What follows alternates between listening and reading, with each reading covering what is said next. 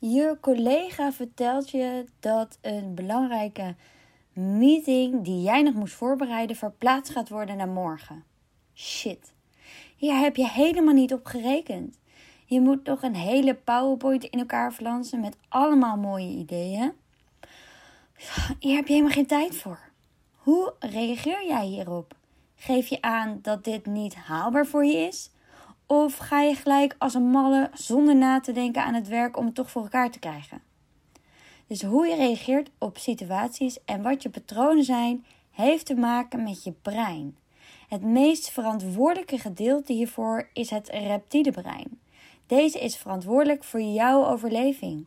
Maar om jou in leven te houden, doet hij veel meer dan je in eerste instantie zou denken. Want ons brein bestaat uit drie delen. En de samenwerking tussen deze drie delen veroorzaakt het gedrag dat we vertonen.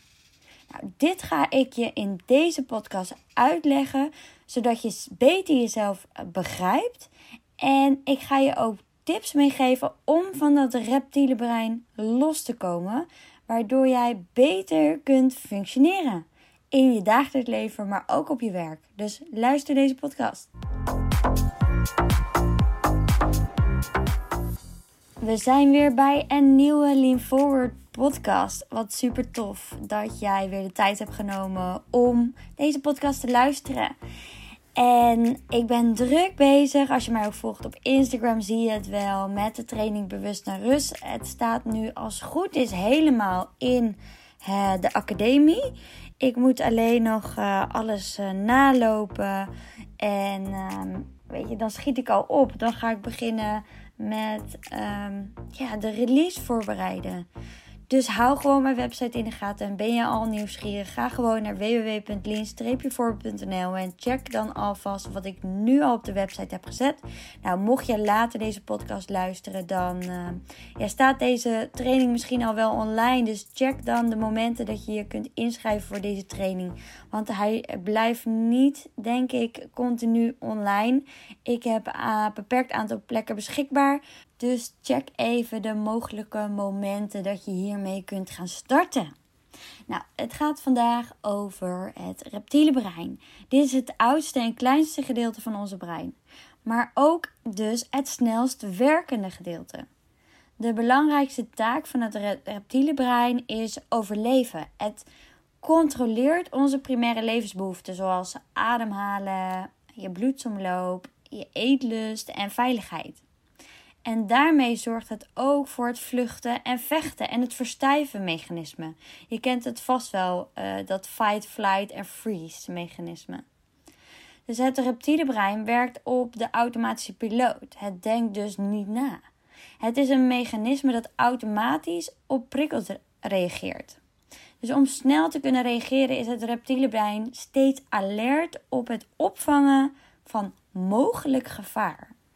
En de koppeling tussen waarnemen en actie is super snel, waardoor we onszelf snel in die veiligheid kunnen brengen wanneer dat dus echt nodig is. Maar ja, wanneer is dat nu echt nodig? Nou ja, dan heb je ook nog het zoogdierenbrein. Het is handig om ze even alle drie uit te leggen. Het zoogdierenbrein regelt onze gevoelens, emoties en geeft ons het vermogen tot empathie. We kunnen er plezier en liefde door ervaren, maar ook angst en verdriet. Het zoogdierenbrein onthoudt het plezierige en het onplezierige en zal het plezierige gaan herhalen en het onplezierige willen vermijden. En dit zorgt ervoor dat we vaak dingen doen zonder ons hiervan bewust te zijn, zoals bijvoorbeeld um, koopverslavingen. Dat je heel veel gaat shoppen, en dat je niet doorhebt dat je dat aan het doen bent omdat je eigenlijk iets niet wil voelen of zo. Of dat je ehm, misschien wel aan het dooreten bent totdat je er misselijk van wordt. Of grijpt naar andere beschermingen, misschien wel roken of andere verslavingen die je hebt. Netflix, de game op je telefoon zitten, nou, et cetera. En dan heb je ook nog het menselijke brein. En het menselijke brein wordt ook wel de neocortex genoemd. En het is het buitenste, grootste gedeelte van onze hersenen en is in onze revolutie ook het jongste gedeelte van het brein. Dus het is verantwoordelijk voor het bewust verwerken van informatie. Het menselijke brein laat je dan ook rationeel redeneren en over nagedachte beslissingen nemen. Dus ja, beslissingen waar je over nadenkt. Het is aan de ene kant heel machtig dankzij het grote denkvermogen en dus de intellectuele prestaties die we erdoor kunnen leveren. Want ja, daardoor kunnen we uh, goede planning maken, kunnen we um, het werk doen dat we doen, et cetera. Maar het moet vaak ook afleggen tegen de instincten van de reptiele brein en de emoties van de zoogdierenbrein. Maar wat voor impact heeft dit reptiele brein nou op je leven? Nou, we denken dat we onze beslissingen meestal wel overwogen hebben gemaakt en niet snel domme beslissingen nemen. Want we zijn in de veronderstelling dat we vooral gebruik maken van het menselijke brein. En deze kan namelijk heel rationeel nadenken en is het grootste van de drie delen van ons brein. Maar dit is dus niet het geval.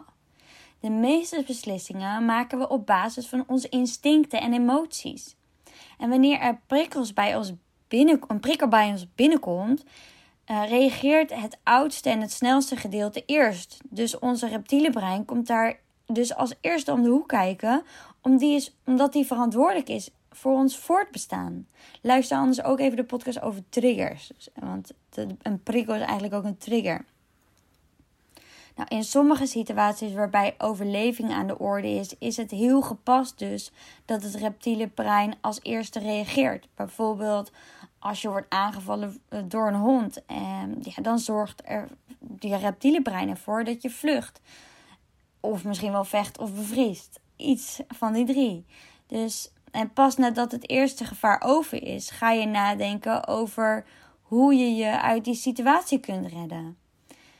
Dus net als met mijn bevalling bijvoorbeeld, dat ik op het randje van de dood lag. Ik lag doodbloeden hier beneden thuis en de verloskundige, haar reptiele brein, zei vlucht. Die ging bij de deur staan om te kijken of de ambulance eraan kwam.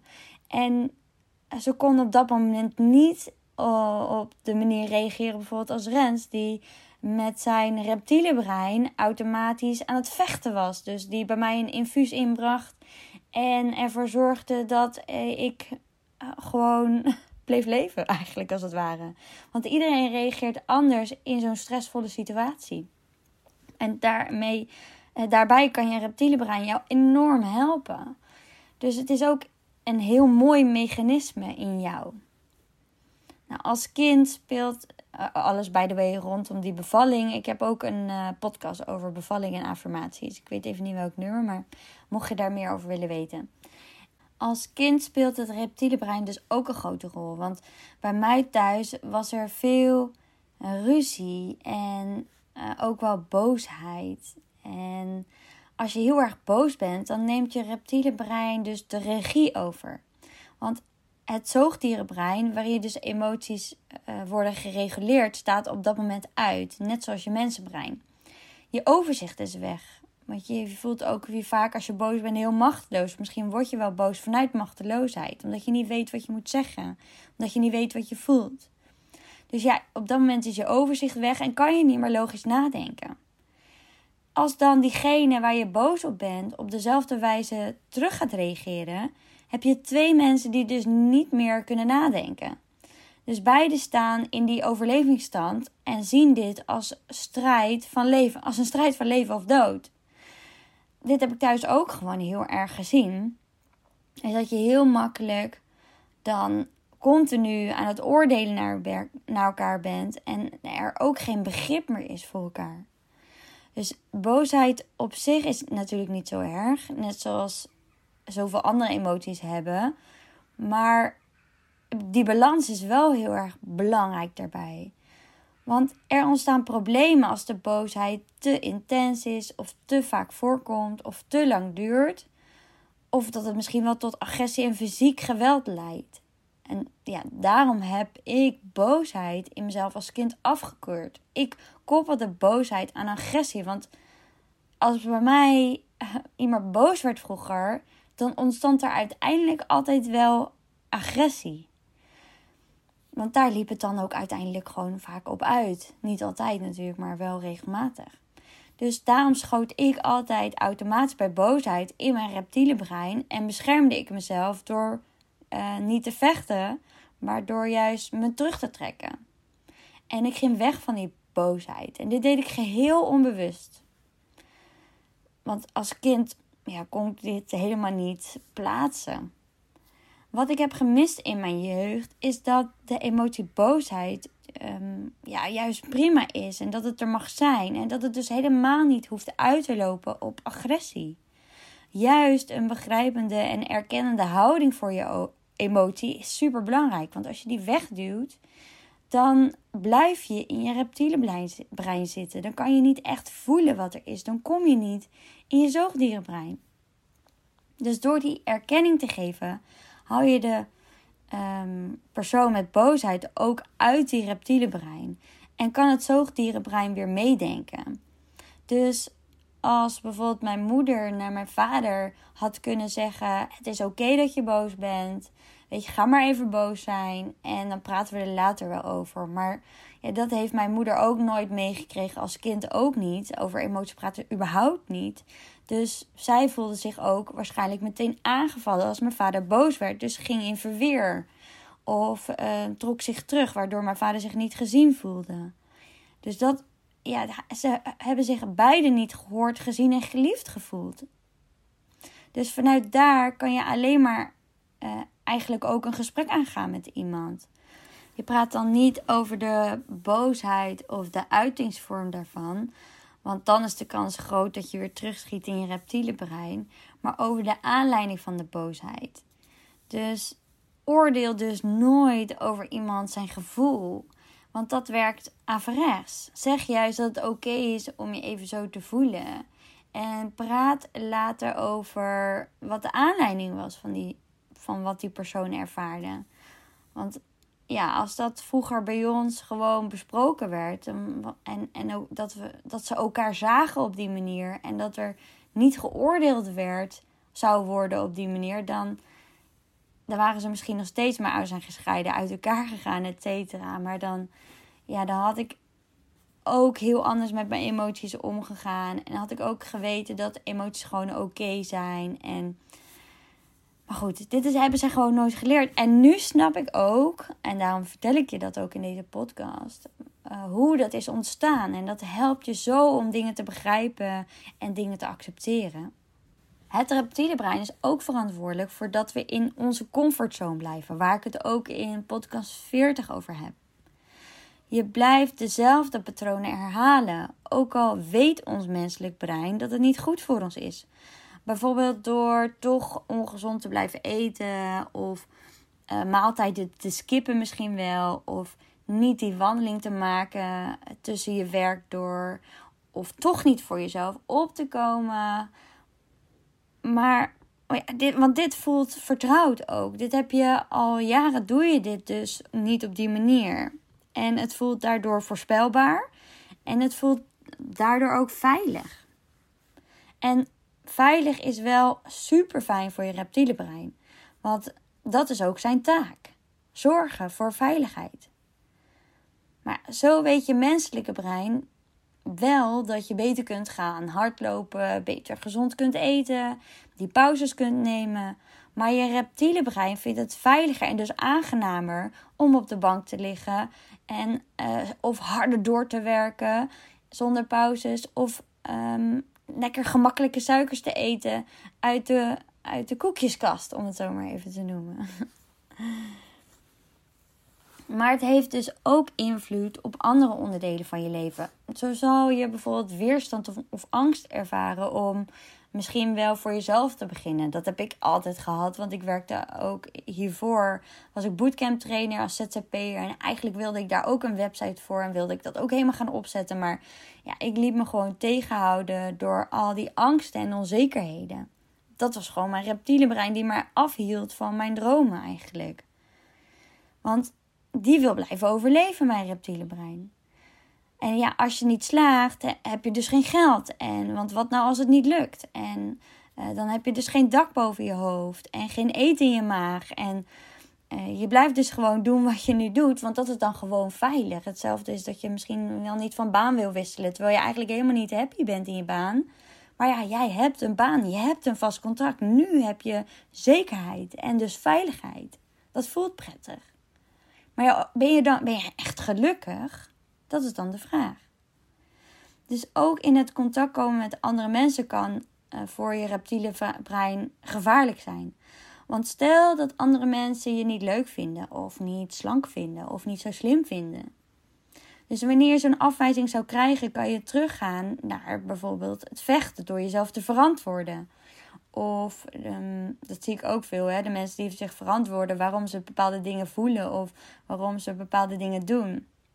Terwijl alles wat je voelt en wat je doet is gewoon goed. Waarom heb je het gevoel dat je moet verantwoorden?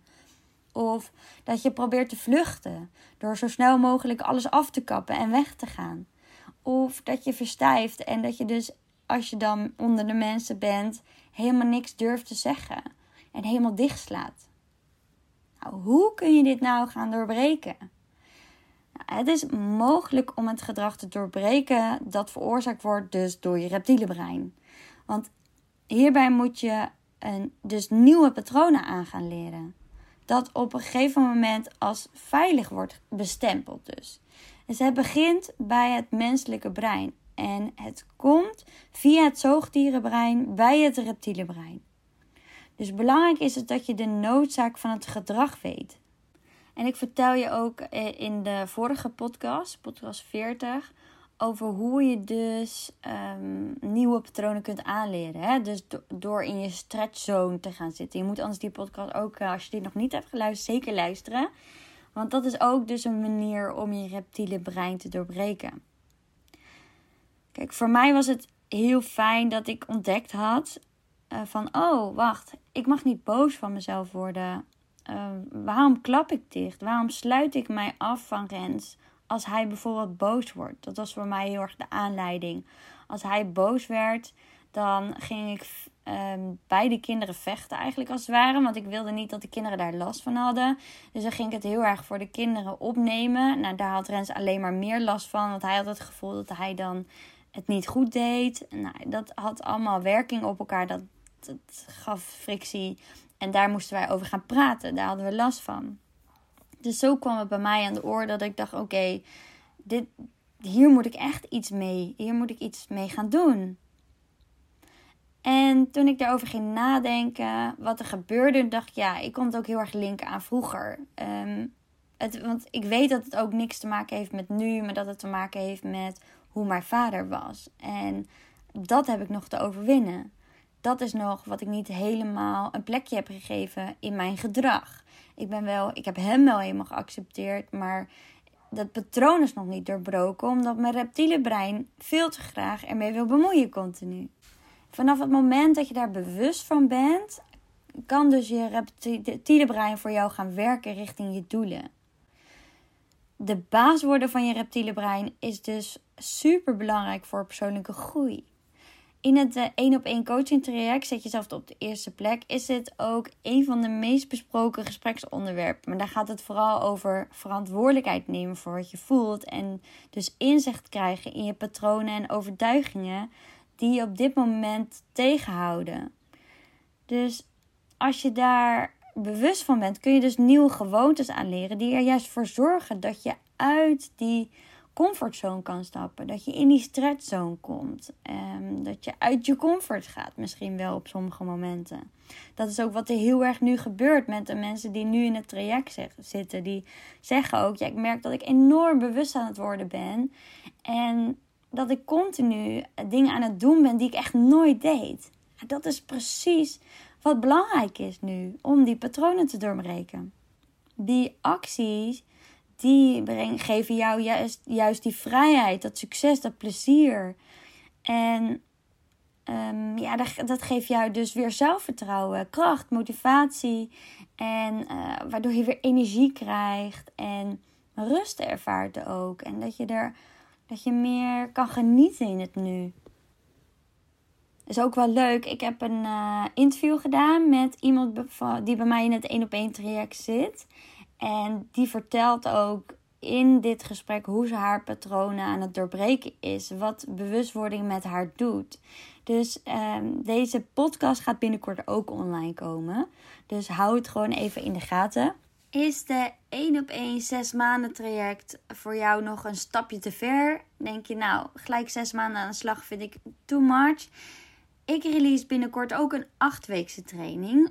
Of misschien staat het ondertussen al online nu jij luistert. En in deze training ga je echt stappen maken eh, naar jezelf. En kan je dus helemaal in jouw tempo hiermee aan de slag.